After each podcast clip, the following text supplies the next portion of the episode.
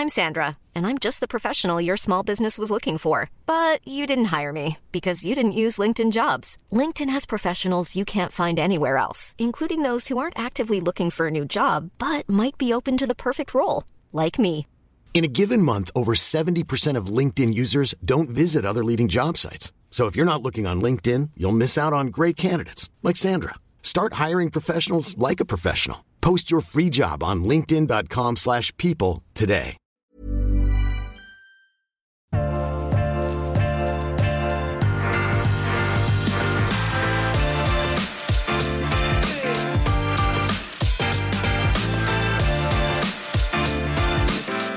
Ok, alle sammen. Vi er tilbake med en eh, ny episode av eh, ukens vintips. Eh, I dag så sitter jeg her sammen med Ole Berg fra Furuset-gruppen. Og det er Ole, første gangen du er på denne podkasten her.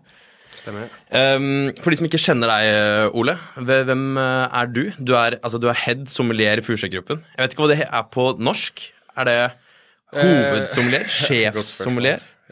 Nei, jeg har fått den fantastiske tittelen av Front of House uh, sjefsommelier på førstegruppen. Så tittelen er på engelsk. Lang tittel. eh, lang tittel.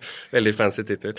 Uh, så det er litt vanskelig å, å beskrive akkurat presis hva som går under den. Mm. Uh, og kanskje litt vanskelig å finne et norsk oversettelse på det også. Men, eh, men kall det eh, sjefsommelier for alt som skjer på gulvet, da, mer eller mindre, i restaurantene. I hele Litt mer eh, hands on i hele Fursegruppen, men med fokus på de største vinstedene. da. Ja. For vi har jo i hovedsak Det er jo eh, 30 forskjellige konsepter, holdt jeg på å si, men Ja. i hovedsak um, Hva, hva er det dere definerer liksom som et vinsted? Hvor mange vinsteder har dere? Liksom? Altså de, større, de stedene hvor vin er i fokus, hvor vi satser på å bygge opp vinkjelleren og lage en interessant uh, profil. Og det er, er Grand? Grand Café, helt klart med største vinkjelleren. Mm. Eh, Sjømagasinet, som også har eh, mindre plass, men eh, fantastisk eh, liste. Mm. Hatt det i lang tid. Eh, og nyåpning på et hus som heter Rebel. Som er, Mm. I kjelleren der?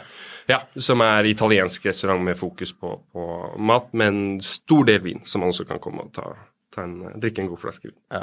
Så er, du har vært litt på Disotto i det siste, har du ikke det? Mye. Det? Ja. Åpning i oktober, var det. Så Ja. Hvordan var den eh, timingen, eh, egentlig? Helt uh, forferdelig.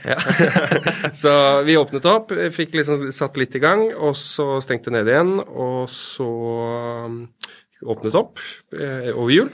Og så har det egentlig bare balla på seg. Så jeg følte nesten selv at det var litt sånn teståpning. Ja. Og så i 2020 så åpna vi faktisk opp, da. ja. Ja. Men nå er det i gang ordentlig. Nå er vi i gang. Ja. Ordentlig i gang. Så Ja. det, det har vært veldig gøy. Men hva, hva sånn til daglig, hva, hva består jobben din altså, i, denne, i denne lange tittelen? Ja, i denne lange tittelen som ikke betyr så veldig mye. Det, det, jeg eh, står mye på gulvet. Jeg vil jobbe mest mulig med vinen hands eh, on, Mm. så jeg prøver å gjøre det så mye som mulig. Eh, Men det er også administrativt med alt som skjer i forhold til eventer. Stor del innkjøp. Jeg Mm. jakter jo alltid vin, både på jobb og, privat, så en stor del av det. Og, og smake og kommunisere med de sommelierene da, som jobber rundt på de forskjellige stedene, og Ja. ha et samspill med de, og så um, rett og slett uh, sørge for at eh, folk har det de trenger, og uh, ja, At det kommer noe bra vin? ja, det kommer litt bra vin og Ja. litt gode konsepter og eventer og Ja. ja, som. Vi, vi snakket jo om uh, i forkant av episoden hva, hva vi skulle spisse inn temaet på. Mm. Og eh, du er jo litt inne på det inn, innkjøp av vin, og Mm. finne, finne god vin. Eh, så vi snakket om eh, dette temaet som på en måte ikke går av moten, eller som blir mer og mer aktuelt. Eh, Ja. Value burgund, kanskje. Ja. Eh, det må jo være ikke sant? Når, når vi snakker om det her på podkasten, og de fleste som hører på, de tenker jo på det som på en måte privat innkjøp. Men eh, Og vi har jo et par, et par viner her i dag som er det, som vi kommer tilbake til, som vi skal smake på og snakke om litt etterpå. Um, men også på restaurantene og en, et, og på tvers av alle deres steder. Du, du, det, du er både ansvarlig for, for mer vinbare, men også restauranter. Det er, det er snakk om mye vin, da. ja, det er ganske mange tusen flasker. Ja, og uh, alle vil ha burgund uh, fortsatt. Uh. Ja, det, Den er veldig splitta. for det, Hvis man ser på salgstallene, så er det Italia. Og det er veldig mange som kommer og spør om Italia. Eh, men vinnerden, da, som en del av våre gjester er, de som kommer og, og vi kanskje går litt mer spesifikt geografisk inn på små områder og Ja. produsenter og sånn, de er mer fokusert på Burgund. Men det er jo selvfølgelig farget av at jeg tilbringer mye tid i kjelleren på Grand Café, hvor 80% av vinkartet er Burgund. Så det er på en måte det som vi har spisset oss inn på. Ja. Um, og så er det jo igjen det problemet med at ingen egentlig har råd til å drikke burgund som det daglige, dessverre. Det er trist å si. Eh, og som jeg også ofte sier også, det er veldig Litt for ofte for min del en sammenheng mellom pris og kvalitet, dessverre. Men så er det jo mange ting man betaler for som eh, produsentnavn og vinmarksnavn og områder og sånn, så da er det jo gøy å komme litt eh, ut av det, og så jakte hva annet som fins i Burgund. Eh, og det ser du jo også en del produsenter gjør. altså de eh, kjente produsenter da, som eh, produserer i Merceau eller Pouligny eller eh, osv. Eh, de eh, søker rett og slett ut fra disse klassiske områdene for å lage gode viner som kan eh, tilbys til en billigere prislapp. Så de lager nye kuer, rett og slett? Ja, nye, sånn som Lefleve har gjort i Macau, for Ja, ja. Eh, har gjort det samme. Ja. Eh, med fantastisk kvalitetsviner fra områder hvor én, de har råd til, eller mulighet da, til å kjøpe opp land, og hvor potensialet kanskje ikke helt er utforsket da, enda. Så produsentene kan komme og tilby litt kunnskap og øke, Ja, øke så kan du få en introduksjon til, om ikke kanskje akkurat eh, eh, toppvinnet, så får du en introduksjon til huset og stilen og Ja. mentaliteten rundt hvordan de lager vin. Men hvordan endrer det deres øh, Eller av deres innkjøpsstrategi da? Går dere bort fra å kjøpe Kjøper dere fortsatt like mye av de samme toppene, og så kjøper dere litt alternativer i tillegg? Eller er det et skifte at dere bestiller liksom mindre av de crazy vinene og mer Det blir mindre av de toppvinene, Ja. men det er ikke vårt valg. Nei. for å si Det sånn. Nei. Det er dessverre sånn det har blitt. Ja. Høyere etterspørsel eh, de siste årgangene. Du ser jo det gang på gang. Eh, Lavere produksjon, eh, frost og ja, alle mulige forskjellige ting som, Mm. som påvirker eh, mengden da, eh, av vin som er tilgjengelig. Men, men eh, spesielt det med etterspørselen er jo enormt høy. Så Mm. de vinene vi kanskje fikk en kasse av tidligere, eh, får vi kanskje en flaske av i dag. Ja. Det er et morsomt eksempel. Jeg fikk nå akkurat en, en burgund-allokering, og så fikk jeg en stressa telefon fra, fra sjefen på Grand Café for heisen var ødelagt. Det er ikke noe problem lenger, for det er sånn i fjor eller året før var tre paller, det er kanskje en halv pall nå. Da.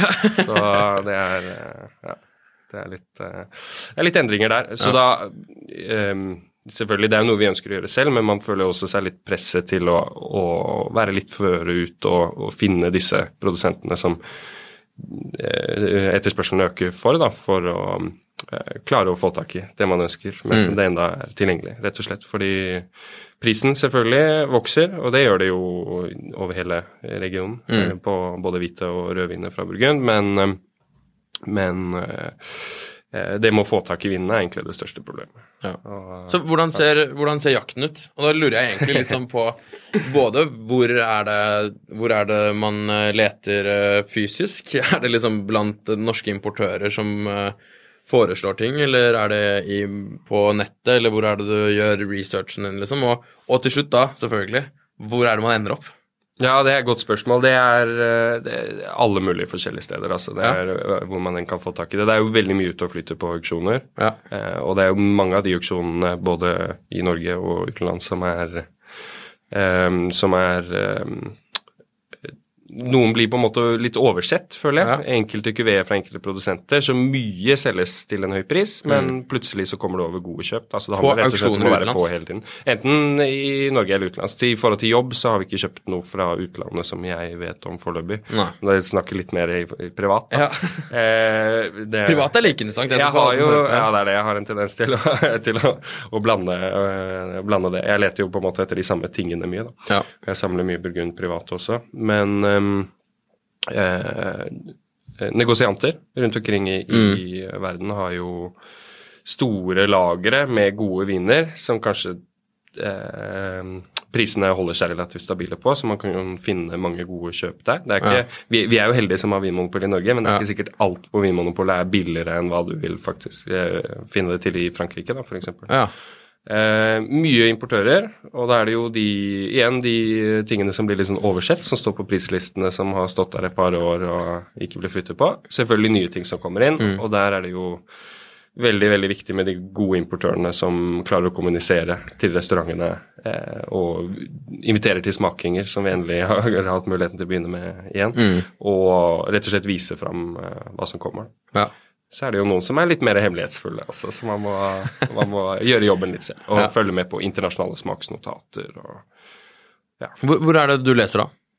Nei, det er veldig, veldig mye forskjellig. I forhold til Burgund så syns jeg han eh, Winehog, er vel en svensk eh, som har den eh, eh, bloggen, syns jeg er veldig bra. Eh, følger mye eh, Robert Parker, Wine Advocate.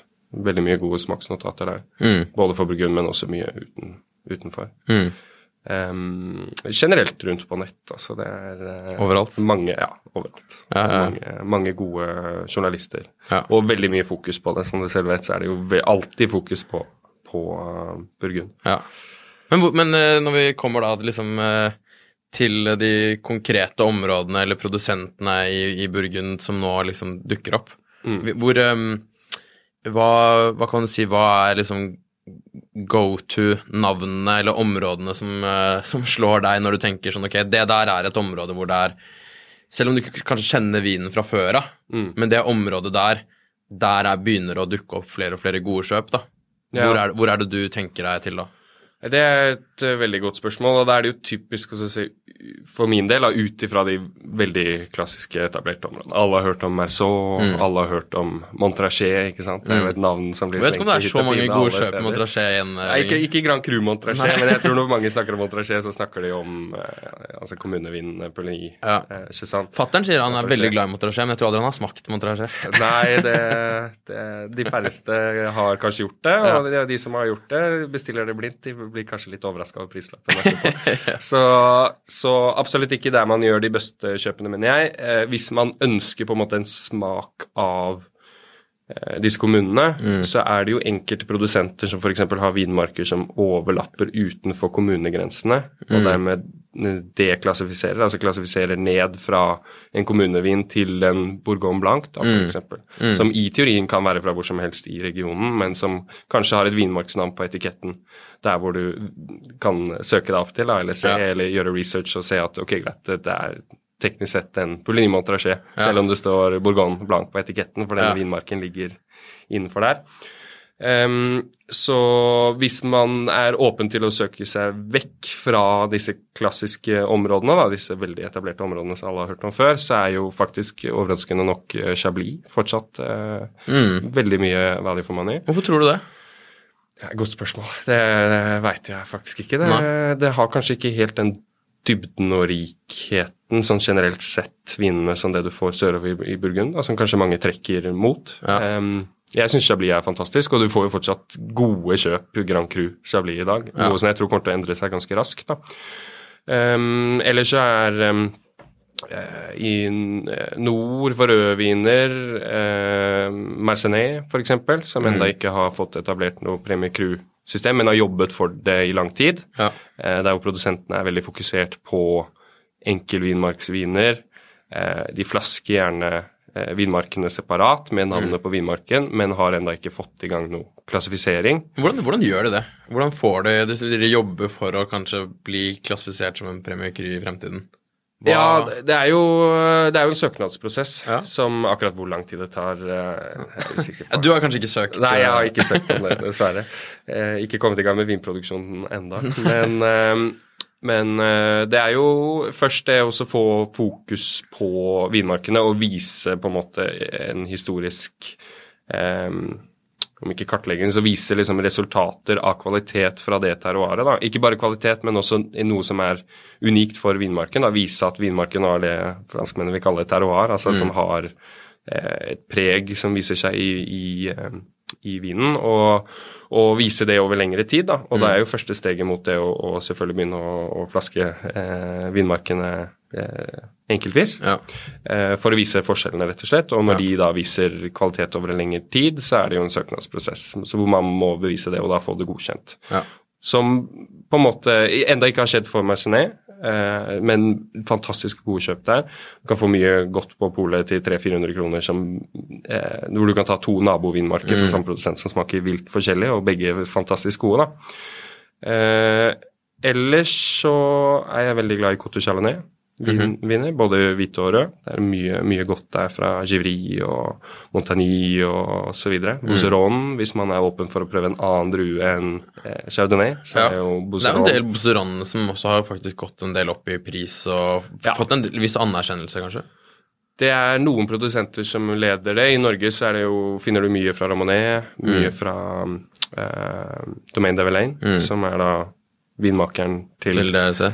Romani Conti, som har startet opp et prosjekt, jeg tror er med, med fetter, eller noe sånt, for å, nettopp for å vise hva annet Ja. Burgund har å by på. da. Men det er ganske symbolsk når Ramonet og Velen velger å gå til Bossoran, ikke sant, og så Ja. pumper ut disse flaskene, eller disse Bossoran-navnene på langt kjentere etiketter ellers, da. Ja. Så sier det jo noe. Det betyr jo noe. Absolutt. Det som er litt skummelt med det, da, for meg som, som serverer mye vin, er at uh, hvis du forventer å få en, en eh, chardonnay eh, med konsentrasjonen til en Premier Crew i glasset, så kommer du til å bli skuffa. Ja. For det er, det er en helt annen stil av vin. Ja. Men uh, fantastisk gode kjøp av, av Aligoté, syns jeg, i Burgund. Og jeg tror nå det kommer til å få en liten eh, få et lite løft i, i fokus. Eh, mye pga. topprodusenter, ikke kun fra Bozeron, men over hele Burgund, som, som fokuserer på kvalitets-aligoté. Mm. Patai eksempel, er jo et godt eksempel der. Der kan du få gode,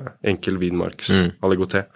Uh, som er ganske tilgjengelig på polet til en Prisene øker, som du sier, men uh, til en ålreit pris. Uh, man må jo bare vurdere det for, for aligoté, da, og ikke Ja. sammenligne det med chardonnay, som jeg føler mange har en tendens til å gjøre. Eh, ellers, uh, som jeg kanskje syns er mest spennende, og som vi skal teste i dag, eh, Macones. Macon-viner. Og da spesielt hvite. Uh, som jeg syns leverer en skyhøy kvalitet. Det har kanskje ikke helt den dybden og konsentrasjonen som du får i disse områdene som f.eks. Chezanne, Ja. men eh, byr på både eh, det vi er glad, begrepet vi er glad i å bruke, mineralitet, altså Ja. den derre det kan være alt fra kalk, eh, flint, knust sten-karakterene, eh, men også en god konsentrasjon. Og selv i disse varmere årgangene, da, som f.eks. 2018, leverer høy drikkeglede, da, i min mening, til kanskje en pris av 300-400 kroner. Og spesielt fra, som jeg sa, de produsentene som eh, har eh, lang erfaring med å produsere chardonnay, men eh, som eh, utforsker nye områder, rett og slett. Da. Nye, nye kommuner, nye vinmarker, nye, nytt klima. Ja, jeg føler at det, det er potensial for at og, og nå snakker jeg nesten mest bare fra et sånn markedsføringsperspektiv. At det, det Jeg har tro på at de pris, de vinene kan holde seg som gode kjøp en stund. fordi sånn som Ja. på den ene flasken liksom, når vi har eh, særlig den hvite her, ikke sant, hvor det står Sant Veran, det er det jo ingen som kjenner til. Ikke sant? Og, og eh, i det minste på den røde som vi har her, ikke sant? som er Bourgogne Haute mm. så er det mange som kjenner igjen Bourgogne. Og med en gang så har du en viss, eh, en viss Burgund-kobling med en eneste gang. da. Men det er Igjen denne flasken her, da, men det er mange eksempler som det. Du må vite at det er Burgund eh, på forhånd, på en måte. Ja. Du kan ikke bare plukke den i hyllen og så si ok, jeg skal ha en Burgund, og så velger du den. Så det er, en, det er en del av disse små underområdene, disse små som som har gått veldig under radaren, da, og som har såpass ukjente navn at jeg tror ikke det er noe fare for at neste år så vet alle hva Sant Veran er. Nei, det tror jeg ikke. Og San Ferran spesielt eh, tok jeg litt med i dag for å vise kanskje enda det skjulte innad i det skjulte, holdt jeg på å si. Altså det uh, Macon er jo, er jo et kjent område. Macon er jo noe de fleste har hørt om, spesielt i sammenheng med hvitvin. Men så har du disse underområdene innad i underregionene, sub-sub-regionene, som eh, har holdt seg litt under radaren. Og på IFC ser du jo nå virkelig begynner å komme opp og frem. Ja. Og det er noe som en del folk begynner å få forhold til. Og de har også fått godkjent nå fra 2020-årgangen. Eh, Jeg tror det er 22 premiecrew. Ja. vinmarker, som, som har vært produsert som enkeltvinmark i lengre tid, men som fra plutselig, da, fra 2020-årgangen eller Ja. senere, avhengig fra produsent, eh, kommer til å få Premie Mm. Eh, på etiketten, og det selvfølgelig kommer til å ha en effekt på prisen, og sikkert på etterspørselen også. Eh, og på YFC har jo lenge vært dem- det området i Macon som kanskje overskygger litt for de andre. da. Eh, så har du Puy Y Loger, og på Vincel, eh, Viré Clessé og da Samveran, som er det sørligste området som egentlig overlapper med Beaujolais. Ja. Så det er jo nordligste appellasjonen i Beaujolais overlappes til den sørligste appellasjonen i Macon. Altså det er, det er nesten Beaujolais, rett og slett. Ja, det er geografisk eh, samme område, så vinmarkene og, Eller ikke samme område, men vi- vinmarkene overlappes. Ja.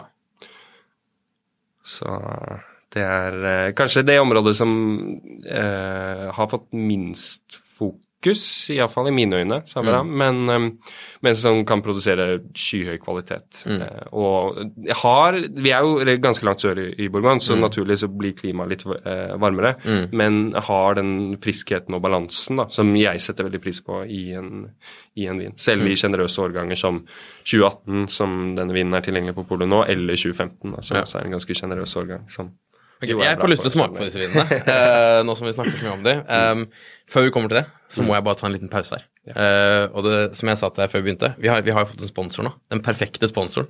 Temptec. Uh, og jeg vet ikke hvordan du lagrer vin. Jeg vet, vet hvordan du lagrer det på restaurantene. Du har jo, sant, Grønn kafé er jo, er jo basically bare en stor vinkjeller. Hvordan lagrer du vinen din uh, privat? Det er et problem. Jeg har ikke vinkjeller. Jeg bor på 55 kvadrat på Sagene. Så til min kjærestes store fortvilelse så har jeg et stort vinskap til 200 flasker i, eh, i stua. Er på jakt etter rett til. Ja. Så Ja, Da er det kanskje Ja. dette Da er det verdt for deg å høre på dette også. I hvert fall fordi det vi har lyst til å snakke om, er Temptex sin sånn prestige-serie. Er det de kaller den. Um, det er en av på en måte toppmodellene til, eh, til Temptec. Uh, det er modeller som eh, kan både bygges inn i, i, i trucken, eller sånn som du har, stående fritt uh, til kjæresters uh, fortvilelse. Eh, men det er i hvert fall en serie som har uh, de, de har alt. De har uh, uttrykkbare hyller i bøk, de har LED-lys inni, de er UV-beskyttet med sorte glass, de har touchpaneler for justering av temperatur og lys, to temperatursoner, pass på luft, luftfuktighet, og kanskje det som jeg merker at jeg de siste årene har brydd meg mest om, er For jeg har et par sånne vinskap også, og noen av de lager jævlig mye lyd, og noen lager Ja. ikke lyd. Det er kanskje det aller viktigste, nesten, at det holder temperaturen, ok, og så lite lyd. Det er kanskje det viktigste for meg. Um, så det, dette er prestige-serien til Temtec, uh, og hvis noen som hører på er på jakt etter en, et nytt eh, skap, fordi du ikke har skap, eller fordi du sånn som deg, Ole, trenger et skap til, så sjekk det ut, og de selges eh, bare hos Power, så man faktisk går bare hos Power. Eh, så tusen takk, Temtec, for at dere gidder å sponse podkasten, og, eh, og eh, jeg har faktisk, dette er jo, nå sier jeg at dette er sponset, men jeg har Temtec-skap selv. Super, det, det er ikke sponset, jeg er superhappy med det, så, så tusen takk til Temtec. Eh, og for vår del da, Ole, nå kan vi endelig da gå over til å smake disse vinene. Um, så som vi sa, den, den uh, første vinen Dette er jo de viner som du har um, anbefalt og tatt med i dag. Den, ja, det er to viner som jeg ikke har prøvd. Uh, den første er Frans Hvordan, skriver, hvordan sier du Chag... Chagnolot. Chagnolot, Frans Chagnolot. Eh, for dere som hører på, dere får selvfølgelig eh, disse vinene linket opp, sånn at dere slipper å stole på, stole på hva vi sier. Santveran Sant Veran à la Cotte. Eller Cotte? Cotte? Lacotte. La Cotte. Uh, og så har vi fra Mongiar Mugneret uh, Bourgogne Hotte Cotte Nui. Eh, La Croix. Så eh, hva var det du sa at den første, den hvite her, eh, Sant Veranen, den var, var den tilgjengelig på Polen, eller var den akkurat ute? Eh, årgangen som vi smaker nå, er 2015. Ja. Eh, men den er tilgjengelig i 2018-årgangen. Jeg tror både på bestilling og i butikk. Ja.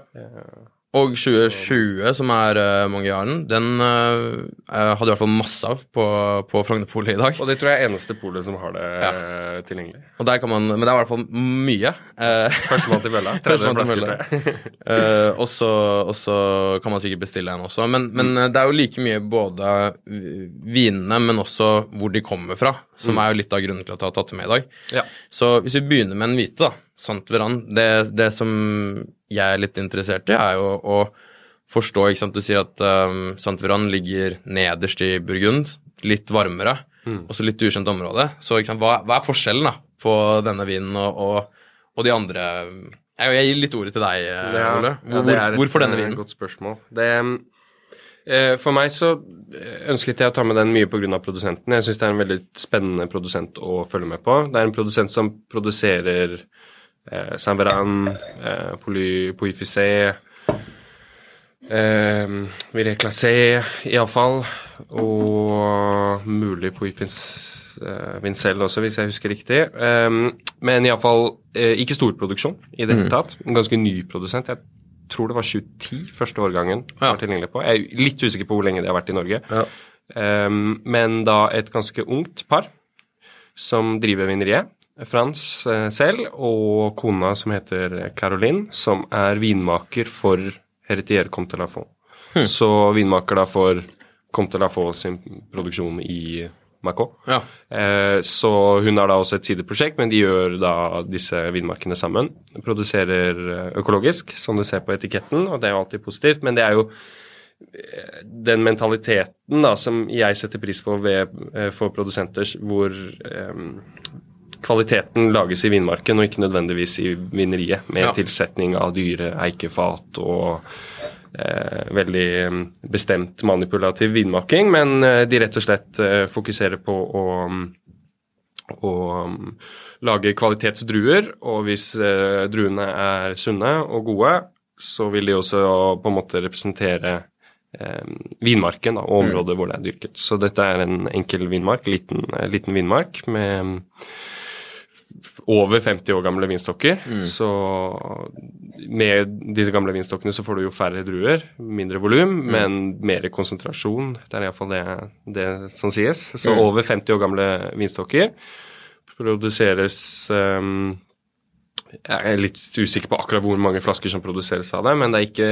ikke veldig stor produksjon. Men en, en produsent som jeg syns leverer eh, noe som er klassisk for Macau, men allikevel med et unikt preg, da. Så det er det for meg å, å koble selvfølgelig områdene til kvalitet, men også finne noen produsenter og sette på det. For det er sånn som Jeg tror Eivind Hellstrøm sa det i en podkast. Eh, eh, jeg vet ikke om det var den forrige eller før det. det igjen, så sa han jo hvor viktig det er med produsent i Burgund. Ja. Og det er noe jeg føler mange kanskje glemmer. det ja, det kan stå Merceau eller Cézanne mm. Montrachet på etiketten, men det betyr ikke at vinen nødvendigvis er god. Eh, eller representerer hvor den er eh, laget hen. Eh, så det er rett og slett en, en produsent jeg syns leverer en stabil kvalitet over alle kuveene de lager, men som også har typisitet for området det er produsert, uten, å, uten at på en måte vinen blir forkledd eller pyntet på med veldig sånn tydelig eikepreg eller mm. tilsetning av gjær for å få en viss type aroma frem, eller ja, ja. hva enn det skulle være. Så um, liten kvalitetsprodusent, rett og slett, helt sør i Makonsen. Jeg syns både representerer regionen som fullt, men også Saint-Verin som, eh, som område. Jeg merker at det er en ganske intens vin, og ganske ja. Det er nesten sånn at uh, man lurer på om den er uh, Hvor moden er den, ikke sant? For den er såpass ja. intens også på nesen, da. Mm. Men den har liksom en sånn Det vet jeg ikke hvor mye som kommer at det her er uh, 2015, eller om det er stilen generelt, ja, men den har jo et litt sånt litt moden, nesten sånn bivokspreg. Men det er utrolig, utrolig behagelig vin, utrolig deilig mm. vin. Og de, disse vinene her, den eh, her er 374 kroner, mm. rød 379 kroner. Mm. Så det er, jo, det er jo La oss si at det er jo billig hermetegn til å være burgund, ja. men det er jo fortsatt såpass mye at man skal jo forvente at det skal være en, egentlig en jækla god vin, da. Ja, og det er jo et annet aspekt med det med å, å finne value for money i Burgund. Man må jo rett og slett drite seg ut litt. Ja. Man må gjøre de bomkjøpene. Eh, men eh, for mange så er jo 400 kroner for en flaske vin det er mye penger. Mm. Det er ikke noe du åpner en eh, mandag kveld, hvis eh, noen av de som hører på, sitter og drikker vin mandag ja. kveld. Um, så Absolutt eh, lese seg litt opp på produsentene på forhånd. Mm. Eh, bruke journalister og vinskribenter sine eh, råd og vurderinger. Ikke nødvendigvis følge de slavisk, være åpen for å teste andre ting selv også, men ja. også finne gode produsenter. Og det er jo litt sånn hvis du hvis du går og finner eh, en Chenolovin på, på polet og kjøper den for 370 kroner og liker den, så er det stor sjanse for at du liker en av de andre kuvenene også. Mm. Eh, men så er det jo også eh, viktig å huske på at det er ikke nødvendigvis alle disse vinene, selv om det er rimeligere viner, da, nede i 300-400 kroners-klassen i Burgund. Som, eh, som man kjøper, så er det ikke sikkert at de er eh, gode i 2019 eller 2018 å drikke nå. Nei. Kan hende man trenger et par år eh, lagring rett og slett for at vinene skal få lov å, å samle seg og få kompleksitet. Ja. Noe som jeg syns denne vi smaker nå, har fått uh, gjort. Ja, Men det virker ikke som den på en måte heller nå som det er 2015 og den har ligget noen år. Mm. Det virker ikke som den uh, egentlig trenger noe mer. At den er veldig fin å drikke nå. Veldig tilgjengelig. Ja. Uh, jeg syns det den gjør, da, når du får de ekstra årene med lagring, så, så får du en ekstra kompleksitet på nesen. Du får mer eh, nøttepreg, du får en litt sånn ristet, nesten sånn karamell, eller liksom karamellisert nøttepreg på det. Eh, som mange kanskje vil forbinde med litt sånn eikelagring og sånn, men det er jo i kun gamle eikefat som de bruker til å produsere denne vinen her, så det er veldig fokus på at chardonnay-karakteren skal få lov til å komme tydelig gjennom. Nå er jo chardonnay en ganske nøytral eh, druetype, men, men du finner alltid den derre eple-pære-karakteren som sitter veldig tydelig gjennom. Eh, og så syns jeg altså med, med lagring at du får nesten litt sånn eh, floralnoter eh, og nesten litt ingefær, som du sier, bivoks, honning, tenker jeg litt. da. Eh, og det, det kan du finne i den vinen her i, i ung alder også, men det er en kompleksitet som eh, blir større da når du får et par år lagring. På riktig temperatur, selvfølgelig. Men dette nøkkelordene her er jo et par år, for jeg, jeg kjenner meg også igjen i at uh, ikke sant, selv uh, en del Bourgogne Blanker fra gode produsenter som kommer eh, ut, og så er de uh, De er gode. Man tenker ikke man tenker ikke at dette nødvendigvis er en lagringsvin.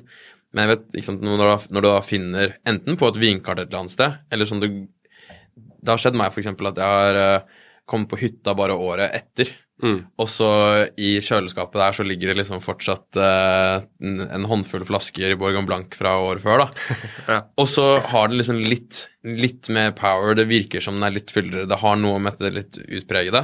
Um, og det er nesten som du bare liksom Istedenfor at du kaster av seg babyfettet, så kaster det seg noe av liksom det tynne. Ja. og så bare blir det det det burde være. Men hvor mange er det egentlig som, som lagrer Bourgogne Blanker, da? Jeg, og det, det er jo et annet veldig interessant aspekt med det. Det er jo for meg som kjøper mye, mye Burgund, så, så er det jo ja, du, du legger penger på den ene Grand Cruen der, og du, på en måte du gjør de, i mine øyne, investeringene, da. Det er iallfall det jeg forteller meg selv når jeg bruker penger på vin. Eh, men eh, så kjøper du også det, det midtpartiet, eller de gode kjøpene, da, ned i 300-400 kroners klassen, og i noen tilfeller billigere også. Eh, og det er typisk de du drikker altfor ungt. Det er de man, eh, man konsumerer mens du liksom venter på at de store navnene skal få lov til å modne seg, og, og de skal du ta på riktig tidspunkt. Men Ja. disse enklere vinene fra Eller ja, enklere, disse eh, mindre kjente vinene fra Macau eller eh, eller og Cotonui, de, de får liksom ikke den samme respekten, da, på en måte. At Og det blir du- drukket opp først òg. Ja. Du har man- ikke dårlig samvittighet for å knekke det når du får lyst til å drikke vin på en, eh, på en onsdag kveld, eh, men det har du kanskje for å åpne en flaske Bon Mar da, til 5000 kroner eh, ja. på, en, eh, på en onsdag kveld. Så eh, de får kanskje ikke muligheten til å vise potensialet sitt på samme måte. Nei. Og så er det ikke nødvendigvis snakk om at de blir så utrolig mye bedre. Nei. Men, men eh, man, hvert fall når man, jeg føler når man kommer til Burgund, så er fortsatt nyansene såpass små Ja. eh, at, eh, at bare det å uppe kvaliteten litt er jo kjempebra. Ja. Ikke sant? Fordi du kan ha noe som i utgangspunktet er, kall det enkelt, og så får du liksom litt ekstra, så er det kanskje noe som man, en, en annen gang når, det, når man snakker om hvor mye prisene går opp per kvalitetspoeng i Burgund, da. Mm. Hvis du bare upper kvaliteten litt, så er du egentlig villig til å betale 100 kroner mer for flasken, da. Ja. Og det kan du bare få ved bare vente et år. Ja, og det er ikke så lenge. Det er ikke så lenge. Og så kjøp litt mer enn det man tror man trenger. Ja. Og da er jo ikke så dyrt heller. Ikke sant? Så man, man kan faktisk kjøpe liksom en kasse istedenfor den ene andre flasken. Det er, det er også et viktig poeng for, min del, da, iallfall i Burgund, at uh, du, du ser alltid tilbake seks måneder etter og så tenker ah, skulle kjøpt en flaske til. Ja. Å, skulle kjøpt mer av den. Jeg hadde muligheten til å kjøpe en kasse, hvorfor kjøpte jeg ikke en kasse? Ja. Og det forteller jeg meg hele tiden, og det tror jeg sånn sakte, men sikkert at jeg kommer til å bli bedre på. Ja. Selvfølgelig gjør du også de bomkjøpene, da. Ja. Men uh, det er jo uh, Jevnt over så er jo kvaliteten ganske høy. Så det er jo snakk om de detaljene som løfter det Hvis man snakker i forhold til poeng, da, Mm. som løfter det opp fra 90 poeng til 93 eller 94 Yes. eller 95 poeng, da. Så det er jo uh, små detaljer, men som utgjør store forskjeller. Og det kan jo da en, et år eller to lagring Mm. uh, ha stor effekt på. Og det ser man veldig tydelig på den røde vi skal smake nå. Ja. Uh, den er i mine øyne ung, blodfersk, Ja. men gir mye drikkeglede. Men kommer til å gi, om ikke dobbelt så mye, så kanskje en tredjedel mer om ett eller to år. da. Ja, og det er, eh, det er uh, Domaine Mongear Mugneret. Det, er- det er noe som jeg sliter med å ha i munnen, det navnet der. Ja. Mongear Mugneret. Uh, Bourgogne Hot uh, mm. La Croix. Ja. Um, ok, hva Bourgogne Hot Cotonui, det er føler jeg et område som også er blant de, de områdene som flere av de store produsentene begynner å produsere litt, uh, litt i nå. Eh, I tillegg til at det dukker opp det vi kaller de hermetegn nye produsenter. De skjønner, faen, her er det en god vin. Ja. Eh, så hvem er, hvem er disse? Eh, Mongia Muneret er en, en gammel, gammel, gammel produsent. Jeg, på, jeg, jeg tror de har holdt på siden starten, midten av 1600-tallet, hvor liksom eiendommen ble etablert. Såpass gammel. Eh, så de har hatt en, en reise. Nå er jo jeg ung, ung for å snakke om det, men, eh, men eh, etter hva jeg har på en måte forstått da, ved å, å følge vinene og smakt noe tilbake til 90 sånn sen 90-tallet er det eldste jeg har smakt fra dem, Ehm, så så har de hatt en, en eh, storhetstid eh, og hatt ganske stor produksjon. Mistet litt eh, kvalitetsrykte, sånn på 70-80-tallet, etter hva jeg har hørt. Og så gradvis på en måte komme tilbake. Og jeg tror det har litt sammenheng med at det er en ganske stor eiendom. Så det er noe sånn sånn 30 hektar eiendom. som Svært er- å være Burgund. ja, stor. Det er jo Burgund er jo ekstremt fragmentert, Ja. så det er jo, det er jo eh, en stor produsent i eh, Burgund-standard, så eh, de produserer et, hele rekka. Alt fra Fixan til eh, eh, Grand Echesot, fantastisk Clos Vauchot Altså, de produserer eh, alt fra eh, generelle eh, regionsviner til eh, små parseller av topp Grand Cru. Mm. Eh, Så du har vinmarker. hele rekka. Hele rekka, rett og slett. Eh, på, på godt og vondt, som sagt. Er, jeg, jeg merker en tendens til at noen av disse store produsentene som har veldig mange kuveer, Mm. eh, folk mister litt fokus på dem. Sikkert litt fordi det er vanskelig å ha oversikt Ja. over alt som skjer. Det er vanskelig å på en måte smake seg opp og følge med på nye årganger når man må legge 20 000 kroner for å, for å teste hele porteføljen. Ja, og så er det kanskje Men, fordi at det er ikke én nødvendigvis som står ut heller, da. Det er Ja. hele porteføljen, liksom. De har Ja. ikke én topp. Eller de har topper, Ja, de har men noen eh, topper Men det er ikke en de er kjent for nødvendigvis, ikke sant? Ja, ja Grand Echesot og Claude Bourgeois er vel kanskje de som de har fått mest uh, omtale. Ja. Dyre viner, men de er tilgjengelige. Ja. Uh, og det har med I Norge òg, sånn- eller? Ja, i Norge, på polet. Jeg er litt usikker på akkurat hvilke, hvilke årganger, men jeg kjøpte en Echesot blant annet, 2016 av de i fjor, som jeg syns er en fantastisk vin. Det er jo selvfølgelig viner som må ligge. Eh, For de kan være litt krevende i ung alder, og det merker du i, selv i den her, da, som er en 2020 og, og Mm. Cotonui. Um, men så har du jo da de, disse store produsentene, kvalitetsfokuserte produsentene, som ønsker å tilby uh, et, eh, en introduksjon da, på en måte til, til deres stil. Mm. Og da er jo Au Cotonui et fantastisk område, for det Ja. er jo en liten, eh, liten flekk, holdt jeg på å si, lite land Ja. vest for Von Normandie, Nuit Saint-Georges. Så det er liksom Hvis du står i, i byen da, Mm. og ser opp på Ser vestover, opp på åssiden med vindmarkene, så i den andre dalen, i dalen bak disse mest kjente vinmarkene, der ligger Au Litt gjemt, bokstavelig talt. Ja. Eh, det er jo Altså Å, som i, i høyre delen, ikke høyere som i lenger nord, men Mm. i høyre beplanta. Så det ligger generelt litt høyere beplantet, sånn 300-400 meter over havet, tror jeg, hvis jeg husker riktig. Um, på vestlig del, men uh, uh, du ser flere og flere toppkvalitetsprodusenter, sp- spesielt eh, i OK29, da, eh, begynner å eksperimentere litt og så se eh, og utnytte potensialet Ja. i de vindmarkene som ligger der. For ok, du har litt høyere beplantning, men du har noe av det samme jordsmonnet. Du har samme eksponering. Mm. Eh, hvorfor skal ikke det terroiret levere like godt som eh, det bare et steinkast østover? da? Ja. Og det ser du f.eks. Um, Jan Duriot, som har kommet til Norge nå ganske nylig, for et eller Ja. to år siden. Eh, har jo noen fantastiske viner eh, fra bl.a. en enkel vinmark i Åkoteny. Eh, Katiar har jo Mm. begynt siden 2017, tror jeg var første årgangen han mm. gjorde det. Og det er også et eksempel Jeg hadde nedi nylig. Og det Ja. et eksempel på sant, noe som er får et kjempenavn kastet på seg, da. Mm. Eh, men ikke jeg blir så billig nødvendigvis, da. Og ikke så jævlig mange flasker heller. Veldig liten produksjon. Ja. Eh, ganske ålreit priser, Ja. men eh, si de, hvis du får, får kjøpe de, 600-700 kroners eh, klassen rundt der. Eh, men da er det jo heller tilgjengeligheten som er et spørsmål, da. Så Ja. får du muligheten til å kjøpe det, Ja. så Men nesten dobbelt så så mye av de her, da. Ikke sant? Så du Ja. begynner med en gang. Ja, ja. Og, og de når, du, når disse produsentene eh, begynner å produsere Åkoteny og enkeltvinmarker innad i, i Åkoteny, sånn som Mongian Minere gjør med Lacroix, blant annet, så øker jo selvfølgelig det fokuset på, på området. Så et område hvor du fortsatt i dag kan gjøre veldig gode kjøp, men som jeg tror kommer til å øke i pris Mm. ganske raskt, Mm. Og spesielt for Åkoteny, for det er ikke et veldig stort geografisk område. Det er liksom en liten, eh, liten lite landskap Ja. rett vest for Von Romani. Så hva Så, Førsteinntrykket her. ikke sant? Du, var jo, du sa det jo selv at eh, denne er jo ung. Ja, det var det første inntrykket mitt.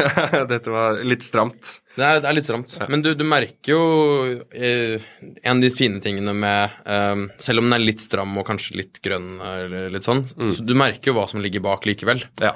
Eh, så den er, ikke, den er ikke lukket sånn at det ikke nødvendigvis å drikke, den er bare ung å drikke. ja.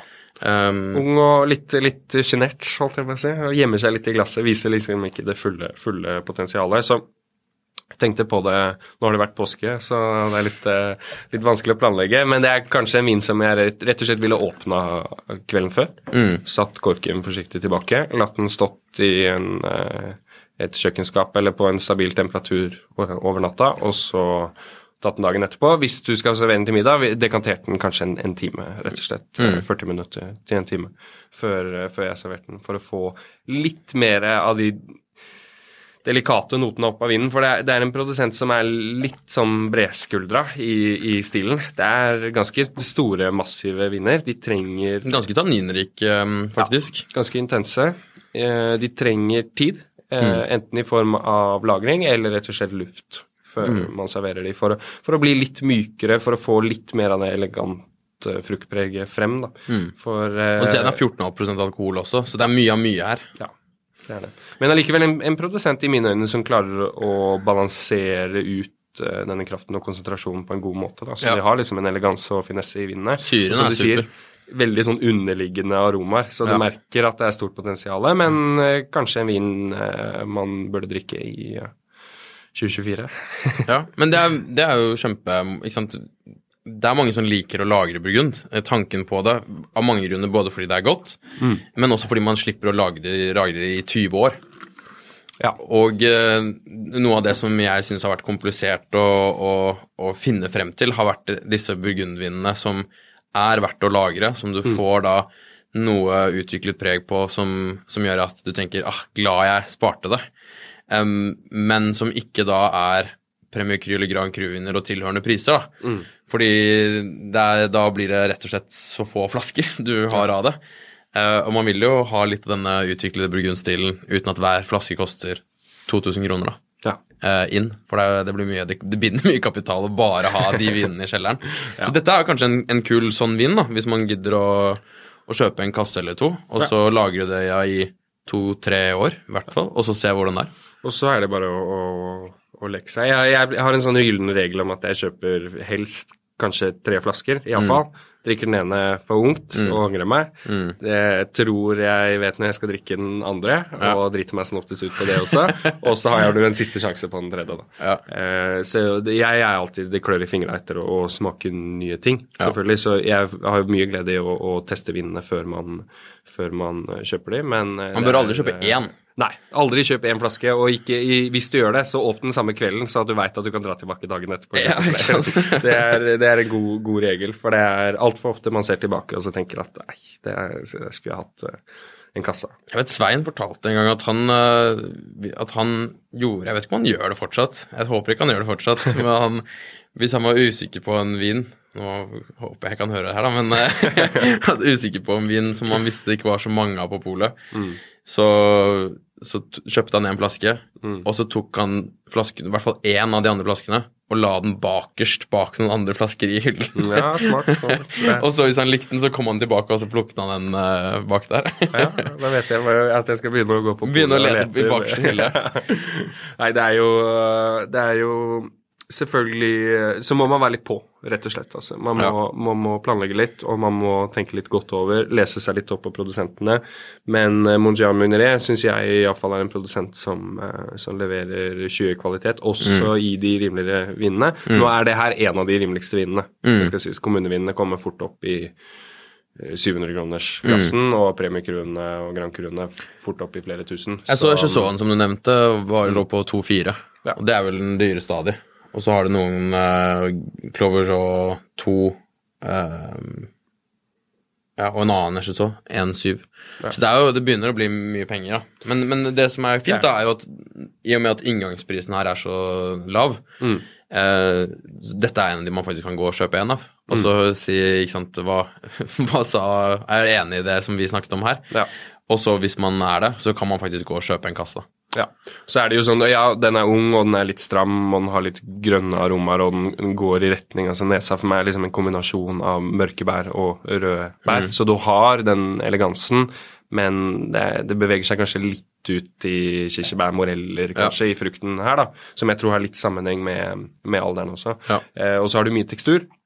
Mye, Den er litt stram, og det er litt tanniner. Og som du sa, 14,5% var det ikke det alkoholen var på den? Jo, i hvert fall, i hvert fall 14. 14,5 Da er det sikkert 14,5. Eh, ja, 14% det er, det er jo høy alkohol for en pinot noir, så eh, bare det at de klarer å balansere ut alkoholen, er jo selvfølgelig et kvalitetstegn, men Mm. det gjør jo også en, en følelse av at det er mer fyldig i vinen, som kanskje for mange eh, trekker trekke mer at det, det er en, en eh, matvin. da. Rett og slett en, en vin man kan ha ved siden av mat. Og det er jo selv om man drikker en vin to år for ungt, så kan du jo glede både i seg selv for å teste det, men også ved siden av mat. da, Matkombinasjon. For den teksturen og den fylden og intensiteten kan jo hjelpe deg til å bevege deg inn i kanskje litt kraftigere retter enn Ja. du normalt ville gjort. med En generelt ganske powerful pinot. Ja, ja, ja. Og det, og det ser jeg mer og mer av også fra, fra Burgund nå. Ja. At uh, det de har mobbet den nye verden i Ja. anførselstegn for, uh, begynner de å bevege seg litt mot. Høy alkohol og mye dybde og mye intensitet. Og Mm. det skiller jo, i min mening, kanskje tydeligere de gode fra de dårlige produsentene. Mm, mm. For det er, eh, det er et hav. Det er mye man skal eh, lete igjennom. Men eh, apropos å, å lete gjennom et hav av viner. Mm. Jeg vet at eh, dere har et arrangement om ikke så lenge med et hav av viner. Neste uke Ja. så setter vi endelig i gang Mm. igjen med Crazy Wine List, som er eh, Har det blitt en tradisjon? det, har, det skulle være en tradisjon, som Ja. selvfølgelig fikk pause over Ja. Så vi starta i 2019, kjørte vi i 2020. Og så har vi jo vært stengt, og så setter vi endelig i gang igjen nå i år. I Crazy Wine List, det er eh, masse bra viner, rett og Ja, det er en, en delt mentalitet der, både med å rydde litt i, i vinkjellerne. Ja. Ikke bare for Nå er jo arrangementet på Grand Café, i Ja. vinkjelleren på Grand Café. Det har alltid vært på Grand Café? Alltid vært på Grand Café, Ja. i vinkjelleren. Eh, Så har vi alltid kjørt torsdag, fredag og lørdag. Eh, Men da henter vi litt vin fra alle mulige steder i førstegruppen. Eh, Ja. Alle mulige lagre hvor det er noen kule gamle flasker som vi enten tenker at det her har vi ikke noe nødvendigvis stor behov for å på en måte holde, tviholde på. Yes. Eller eh, dette her er eh, det, Denne har vi én igjen av, eller to igjen av, og Ja. vet du hva, nå har jeg lyst til For det er jo plass, er jo en annen ting med lagring av vin. Man Ja. vil jo alltid, vil jo alltid rydde litt. Um, så vi samler rett og slett en, en egen liste med viner, hvor vi kjører påslag som ligger rundt 200-500 kroner på, oppå mm. innkjøpsprisen på flaska, som er eh, lavere enn du vil finne noen andre steder, og alle mulige typer viner. Så det er ikke kun sånn at det, det er ikke kun burgund, Nei, det er ikke kun fine wine. Grand Café er eh, du sa 80% burgund, men her er det mer enn For det er fra hele gruppen. Ja, det er fra hele gruppen, så det er, det er masse spennende. Det er mye gamle verden, da. Det er mye Italia, Ja. Frankrike, eh, noe spansk. Og Nordburgund. Masse burgund. Selvfølgelig masse burgund. Det er det alltid. Alltid med meg så klarer jeg å snike inn eh, en god, god mengde burgund. Så det er burgund fra hele spekteret. Både det er aligoter med litt alder på eh, på lista. Det er um, eh, chardonnay, pinot noir. Alt fra regionsviner, kommuneviner, Remi Cru, Grand Cru. Skal jeg ikke si akkurat hva som kommer, for vi Nei. slipper lista en eller annen gang ut på kvelden eh, den 21. Ja, digitalt. og det er vel, på eh, i og med at vi spiller inn nå på tirsdag, 21., det er torsdag. Torsdag. Så hvis du hører på det her nå, på torsdag, når den episoden kommer ut, så kommer listen da i kveld, Ja. kan vi si det. En eller annen gang utpå kvelden så slippes den på, eh, gjennom Vinify-appen. Ja. Så digital vinliste. Første år vi prøver med det, så det blir kjempespennende. Eh, og da kommer det I utgangspunktet så sa jeg, når jeg fikk spørsmål om hvor mange viner kommer, nei, 150 til 200 har det vært tidligere. Og så satt jeg og så ah, men den er kul. Ah, men den kunne jeg tenke meg. Og, og den hadde vært gøy å selge. Og så plutselig var vi oppe over 300 flasker. Og det er det jeg har satt på lista. Ja, og i 300. tillegg ja, ca. litt i overkant av 300. Men går dere tom da i løpet av de tre dagene, eller hva er greia? Ja, Det er jo det som er konseptet. Det er ikke noe sånn 300, og så har vi 12 av hver. Nei. Eh, stor del av flaskene har vi én flaske. Ja. Eh, to flasker. Tre flasker. Så det er et slags Eh, eh, arrangement hvor det gjelder å Egentlig to ting, da. Mm. Kanskje vite på forhånd hva du vil ha, og nummer to, litt, hvis det bare er en, av, en del av det, og så komme så tidlig man kan. da. Ja, vi kjører det torsdag, fredag, lørdag Mm. fra klokka fire. Og så holder vi på til rundt klokka ett. Det pleier å bli ganske god stemning. Vi har tar ingen reservasjoner de Nei. dagene. Var det så Så du begynte har, fire? Klokken fire? eh, Klokken fire, ja. Eh, Vi har stengt bookinga for de dagene. Ja. Eh, og så kjører vi rett og slett en regel. Det lærte vi etter første året, Ja. om at eh, eh, hvis du kommer i en gruppe med seks pers, så får man kun bestille én vinflaske per person på bordet i den runden. Ikke tolv Hva hva skjedde første året? Eh, da kom alle bordene inn samtidig, og så skulle alle ha de samme vinene. Og så ble det litt sånn eh, Hvem bestilte den først? Ja, riktig. hvem fra hvilken servitør, og hvem var det som fant den eller Ja. som ler, og hvem var det som fant den raskest? Det, det, ble litt uh, urettferdig, rett og slett. Så, Ja. så vi bestemte oss da fra uh, 2020, for vi kjørte første i 2019. Mm. Bestemte fra 2020 å gjøre litt mer regulering, så Eh, det er rett og slett førstemann til mølla. Men Mm. i tillegg til det så introduserte vi at vi da slipper noen ekstra Vi krydrer lista litt hver dag. Sånn at Ja. hvis du ikke har mulighet til å komme på torsdag, Ja. så kommer du kanskje på fredag eller lørdag, og da er det noen nyheter på lista. da. Ja. Eh, sånn at eh, mer eller mindre alle Nyhetsslipp eh, fredag og Og da kjører vi litt tema i år, da. Så vi kjører um, uh, litt ekstra tyske viner. Mm. Vi av en eller annen merkelig grunn selger veldig lite tysk vin på uh, Grand Café. Veldig lite Snakker Riesling. du, ja, det er jo Riesling eller andre morsomme ting? Eh, Riesling i hovedsak. Ja. Vi selger ikke mye Riesling, til tross for at vi har masse god eh, Riesling. Og det har sikkert sammenheng med at vi ikke er liksom veldig i, i vinkjelleren, da, i vinbaren, ikke sånn ekstremt mattfokusert. Vi Ja. er mer vinfokusert enn mattfokusert. Så eh, da slipper vi masse gode tyske eh, hovedsak Rieslinger. Litt andre ting også. Fredagen eh, Burgund og Frankrike generelt, men hovedvekt av Burgund. Og så lørdagen Italia, med litt gode viner fra Piemonte og Og så sa du før innspilling her at hvis man nevnte Hvis man refererte denne episoden, så var det så halv pris på alle vinene. Ja, ikke sant. Nei, det, det, det hadde vært dårlig business i og med at vi har så lavt forslag på det allerede.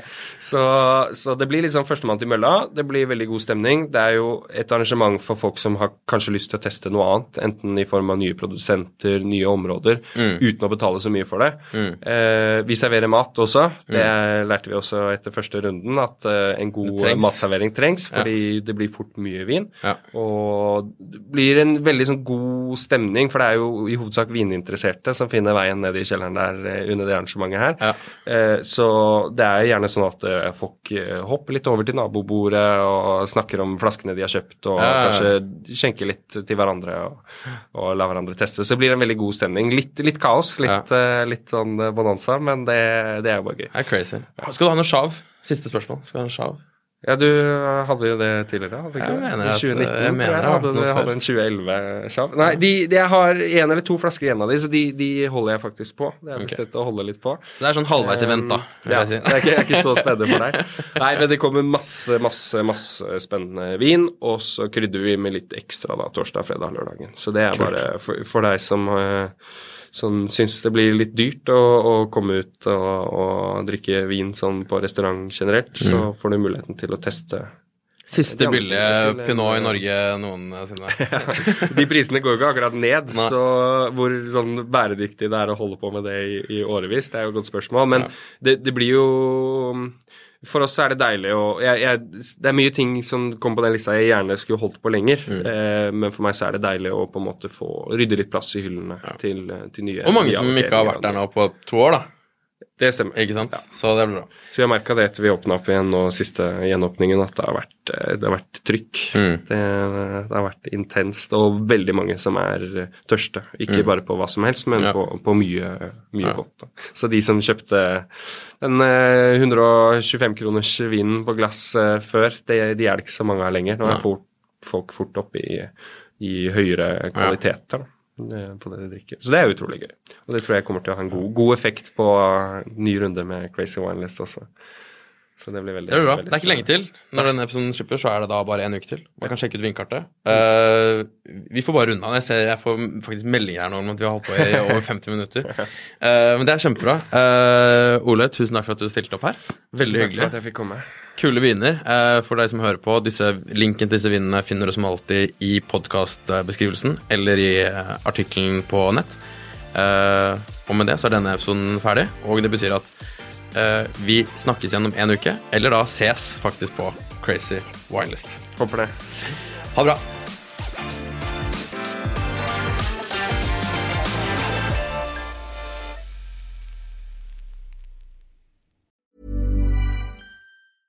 Mom deserves the best, and there's no better place to shop for Mother's Day than Whole Foods Market. They're your destination for unbeatable savings, from premium gifts to show-stopping flowers and irresistible desserts. Start by saving 33% with Prime on all body care and candles. Then get a 15-stem bunch of tulips for just $9.99 each with Prime. Round out Mom's menu with festive rosé, irresistible berry chantilly cake, and more special treats. Come celebrate Mother's Day at Whole Foods Market. Ukens vindtips med Svein er en Finansavisen-podkast. Programleder er Svein Lindin, produsent er Lars Brenden Skram, og podkast- og videoansvarlig er Marius Mørk Larsen. Ansvarlig redaktør er Trygve Hegdar.